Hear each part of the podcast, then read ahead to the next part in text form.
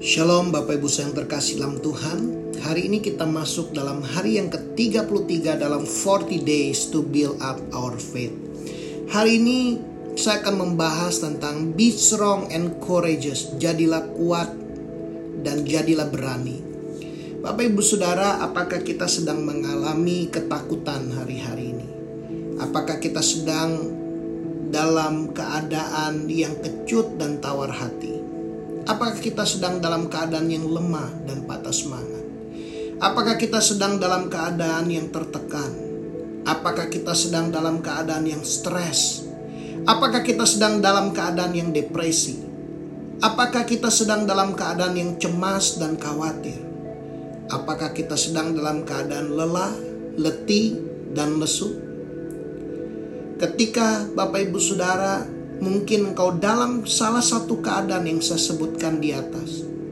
Seringkali ketika kita mengalami tekanan-tekanan, ketika kita mengalami hal-hal yang tidak sesuai dengan apa yang kita harapkan dan apa yang kita mau, kita dapat mengucapkan perkataan-perkataan negatif.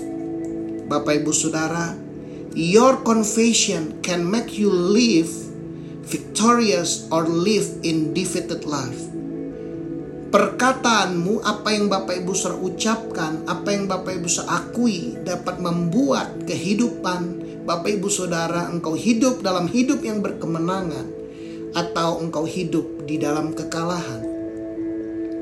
Firman Tuhan berkata di dalam ulangan 31 ayat yang ke-6 Kuatkanlah dan teguhkanlah hatimu Di tengah situasi hari-hari ini Bapak Ibu Saudara Kuatkan dan teguhkanlah hatimu janganlah takut dan jangan gemetar. Karena mereka, sebab Tuhan alamu, dia yang berjalan menyertai engkau, ia tidak akan membiarkan engkau dan tidak akan meninggalkan engkau. Kuatkan dan teguhkan hatimu Bapak Ibu Saudara. Janganlah takut dan janganlah gemetar karena apa yang sedang kau alami, apa yang sedang terjadi dalam hidupmu. Sebab Tuhan alamu. Dialah yang berjalan menyertai hidup Bapak Ibu Saudara. Tuhan tidak akan membiarkan Bapak Ibu Saudara sendiri. Tuhan tidak akan pernah meninggalkan engkau. Di ayat yang ketujuh dikatakan lalu Musa memanggil Yosua dan berkata kepadanya di depan seluruh orang Israel. Kuatkan dan teguhkanlah hatimu sebab engkau akan masuk bersama-sama dengan bangsa ini ke negeri yang dijanjikan Tuhan dengan sumpah kepada nenek moyang mereka untuk memberikannya kepada mereka dan engkau akan memimpin mereka sampai mereka memilikinya. Yosua adalah gambaran dari Yesus Kristus, Allah yang membawa keselamatan kepada kita. Bapak Ibu Saudara, ketika Musa mau meninggal, Musa memanggil Yosua dan Musa berkata kepada Yosua kuatkan dan teguhkanlah hatimu sebab engkau akan masuk bersama-sama dengan bangsa ini ke negeri yang dijanjikan dengan sumpah kepada nenek moyang mereka untuk memberikan kepada mereka. Yosua engkau akan memimpin mereka sampai mereka memilikinya.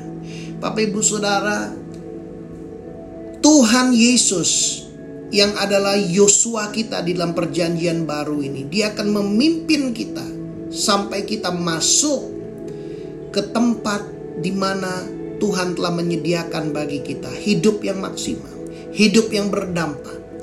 Tuhan mau kita kuatkan dan teguhkan hatimu sampai setiap janji Tuhan itu digenapi dalam kehidupan Bapak Ibu Saudara. Di tengah situasi yang tidak pasti, di tengah situasi yang mungkin menekan Bapak Ibu Saudara. Di tengah situasi yang dapat membuat engkau menjadi galau, gelisah, tertekan, stres. Tuhan berkata, kuatkan dan teguhkan hatimu sampai setiap janjiku digenapi di dalam kehidupanmu. Ulangan 31 ayat 23 dikatakan kepada Yosua bin Nun diberinya perintah firmannya kuatkan dan teguhkan hatimu bukan hanya lewat Musa, tetapi Tuhan sendiri berkata kepada Yosua, "Kuatkan dan teguhkan hatimu, sebab engkau akan membawa orang Israel ke negeri yang kujanjikan dengan sumpah kepada mereka dan aku akan menyertai engkau. Bapak Ibu Saudara Tuhan menyertai kita ketika Tuhan terangkat ke sorga. Ia tidak meninggalkan kita sendiri. Ia tidak meninggalkan kita menjadi yatim piatu. Tuhan memberikan kita seorang penolong yang lain, yaitu Roh Kudus yang akan menolong dan menghibur kita. Roh Kudus menyertai kita sampai selama-lamanya. Ia tinggal di dalam kita. Roh Kudus akan mengajar kita, akan mengingatkan hal-hal yang mungkin kita lupa. Roh Kudus akan memimpin hidup kita dan dia akan memberitakan hal-hal yang akan datang sampai kita masuk ke dalam tanah perjanjian yang Tuhan sudah sediakan bagi kita. Yosua 1 ayat yang ke-6 dikatakan kuatkan dan teguhkanlah hatimu. Kepada Yosua sekali lagi Tuhan berkata, kuatkan dan teguhkanlah hatimu. Sebab engkau yang akan memimpin bangsa ini memiliki negeri yang kujanjikan dengan bersumpah kepada nenek moyang mereka untuk diberikan kepada mereka. Ayat yang ketujuh. Hanya kuatkan dan teguhkan hatimu dengan sungguh-sungguh Bertindaklah hati-hati sesuai dengan seluruh hukum yang telah diperintahkan kepadamu oleh hambaku Musa. Janganlah menyimpang ke kanan atau ke kiri, supaya engkau beruntung ke mana pun kau pergi. Ayat yang ke-8, janganlah engkau lupa memperkatakan kitab Taurat ini, tetapi renungkanlah itu siang dan malam, supaya engkau bertindak hati-hati sesuai dengan segala yang tertulis di dalamnya. Sebab dengan demikian perjalananmu akan berhasil dan engkau akan beruntung. Ayat yang ke-9, bukankah telah kukatakan telah kuperintahkan kepadamu kuatkan dan teguhkanlah hatimu janganlah kecut dan tawar hati sebab Tuhan Alamu menyertai engkau. Ke mana pun engkau pergi. Ayat 18 Yosua 1 setiap orang yang menentang perintahmu dan tidak mendengarkan perkataanmu apa pun yang kau perintahkan kepadanya dia akan dihukum mati. Hanya kuatkan dan teguhkan hatimu Bapak Ibu Saudara, Tuhan mau mengingatkan kita di tengah situasi apa pun. Sama seperti apa yang Yosua akan alami, akan hadapi yang ada di depannya sebelum dia menghadapi raksasa-raksasa sebelum dia menghadapi tembok Yeriko yang kelihatannya mustahil, Tuhan telah lebih dahulu berkata, "Kuatkan dan teguhkan hatimu, jangan kau lupa memperkatakan kitab Taurat ini." Tuhan mau kita memperkatakan janji Tuhan karena perkataan Tuhan mendahului kenyataan. Perkataan Tuhan mendahului setiap apa pun yang akan terjadi dalam hidup kita, hidup kita ditentukan oleh perkataan Tuhan. Karena itulah kita perlu sepakat sehati untuk kita mengucapkan, memperkatakan apa yang Tuhan katakan tentang kehidupan kita. Di dalam Yosua 6 ayat yang ke-1 dikatakan dalam pada itu Yeriko telah menutup pintu gerbangnya telah tertutup kota itu karena orang Israel tidak ada orang yang keluar atau masuk. Wow. Ketika orang-orang Yeriko mendengar orang Israel mau datang, mereka telah menutup pintu gerbangnya. Dan gerbang Yeriko begitu luar biasa. Mustahil untuk gerbang dan tembok kota itu dapat dihancurkan. Bapak Ibu Saudara, ketika segala sesuatu tampak mustahil di dalam kehidupan kita, kuatkan dan teguhkan hati kita dan dengarkan janji Tuhan, dengarkan firman Tuhan. Di ayat yang kedua dikatakan, Berfirmanlah Tuhan kepada Yosua, ketahuilah Aku serahkan ke tanganmu Yeriko ini beserta rajanya dan pahlawan pahlawannya yang gagah perkasa. Tuhan memberitakan, menyatakan firman-Nya kepada Yosua. Bapak Ibu Saudara, kalau kita menghadapi situasi-situasi yang dapat melemahkan kita yang sepertinya mustahil, Tuhan mau kita dengarkan perkataan Tuhan, dengarkan janji Tuhan, dengarkan firman Tuhan. Dengarkan petunjuk-petunjuk Tuhan, Bapak Ibu Saudara. Ayat yang ketiga dikatakan haruslah kamu mengelilingi kota itu yakni semua prajurit harus mengedari kota itu sekali saja demikian haruslah engkau perbuat enam hari lamanya dan tujuh orang imam harus membawa tujuh sangkakala tanduk domba di depan tabut. Tetapi pada hari yang ketujuh Tujuh kali kamu harus mengelilingi kota itu sedang para imam meniup sangkakala.